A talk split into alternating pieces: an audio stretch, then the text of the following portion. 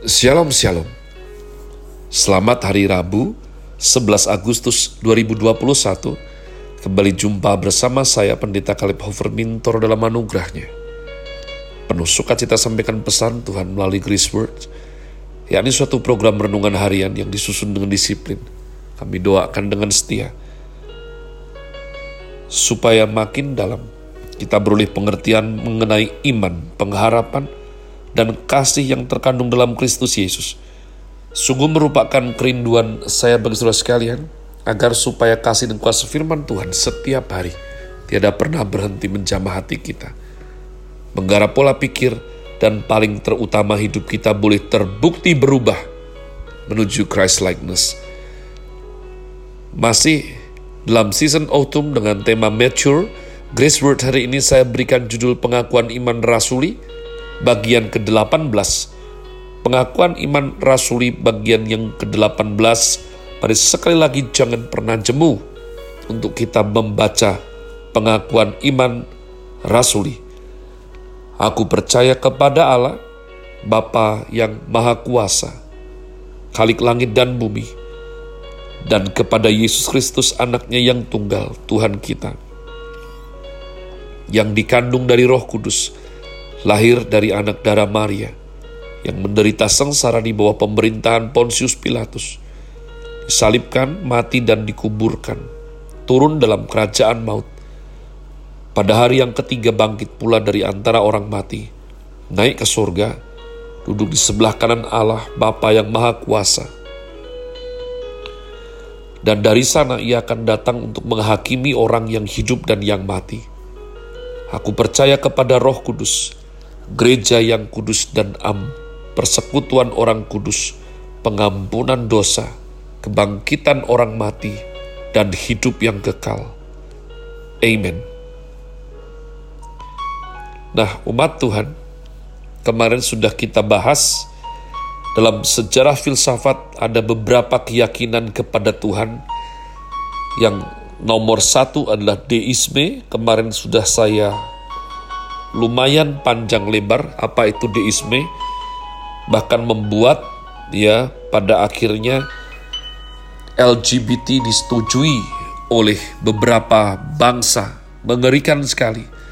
Nomor dua adalah panteisme.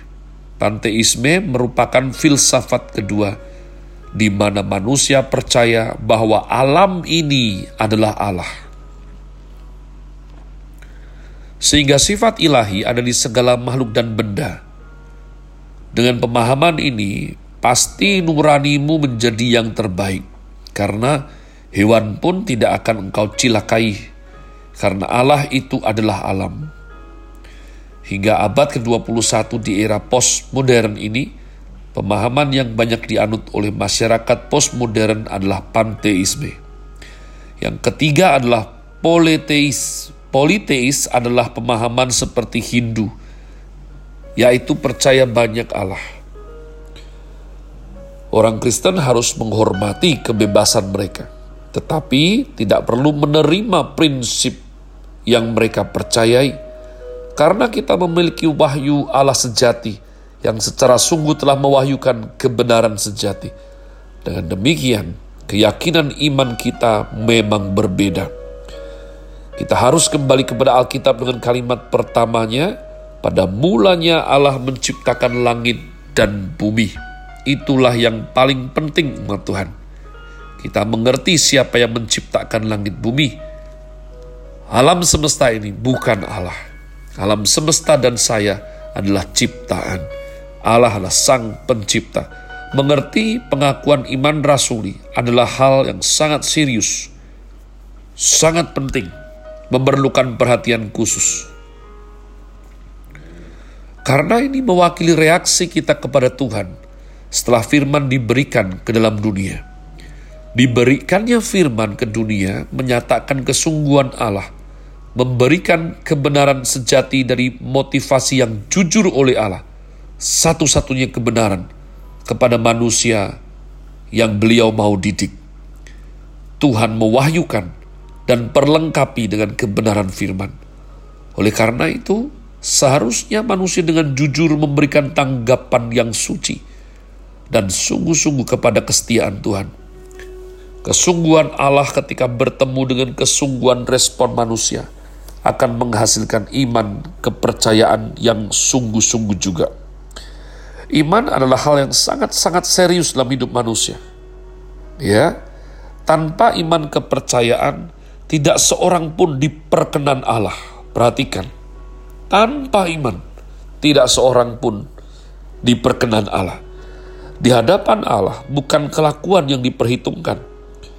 Karena kelakuan kita bobrok penuh kepura-puraan, kelakuan manusia semua bercacat celah sehingga tidak satu pun memperkenan Allah. Martin Luther mengatakan, iman adalah penerimaan terhadap penerimaan. Luther masuk ke wilayah yang begitu limpah. Kasih karunia yang mewah dan jitu dalam mengerti iman. Iman berarti aku menerima fakta. Fakta bahwa aku disayang Tuhan. Aku dipilih Tuhan. Aku diterima terima menjadi anaknya. Mengapa Tuhan menerima saya yang tidak layak, tidak beres, tidak patut, tidak berkualifikasi cukup, dan tidak cukup syarat untuk diterima? Dalam hal ini saya tidak menolak, tidak membantah, tidak berdebat, melainkan menerima ini sebagai fakta yang Tuhan telah kerjakan di luar kemampuan pikiran saya. Ini adalah anugerah yang di luar nalar yang saya terima.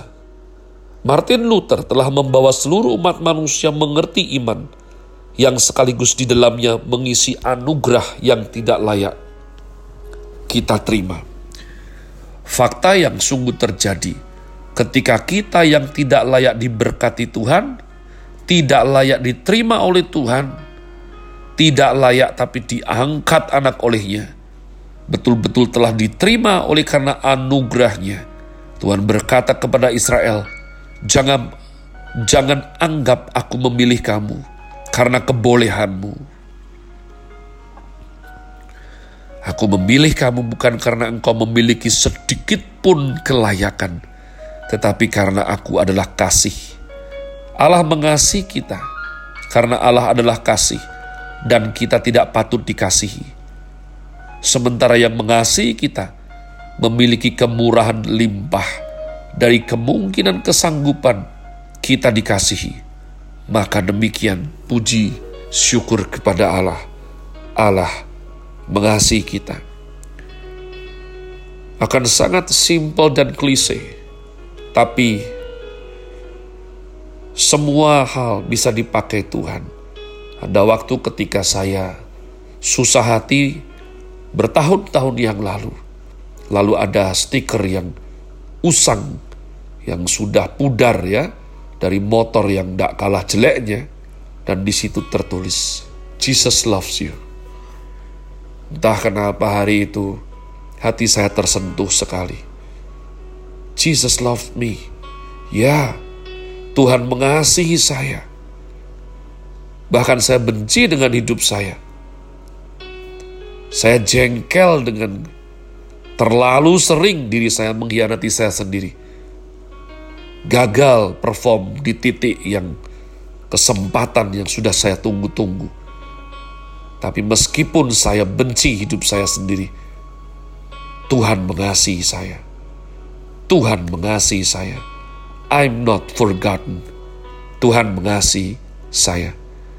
Ketika tua, Bapak Musa berkata, "O Israel, engkau adalah bangsa yang terkecil di antara bangsa-bangsa. Tetapi Allah telah memilih engkau menjadi umatnya. Allah tidak memilih Mesopotamia, atau Mesir yang besar, atau Persia yang perkasa. Tuhan Allah mengasihi Israel. Elohim Yahweh Ehad mengasihi Israel dan memilih untuk menjadi umat kepunyaannya. Hal ini bego banget tidak dimengerti bertahun-tahun oleh generasi pertama Israel yang keluar dari Mesir, kecuali Musa, Joshua, dan Kaleb. Namun hal ini di perjanjian baru dimengerti oleh Rasul Paulus ketika ia tua. Maka beliau mengatakan, Tuhan memilih yang kurang, yang miskin, yang lemah, yang bodoh, yang tidak patut untuk dicintainya.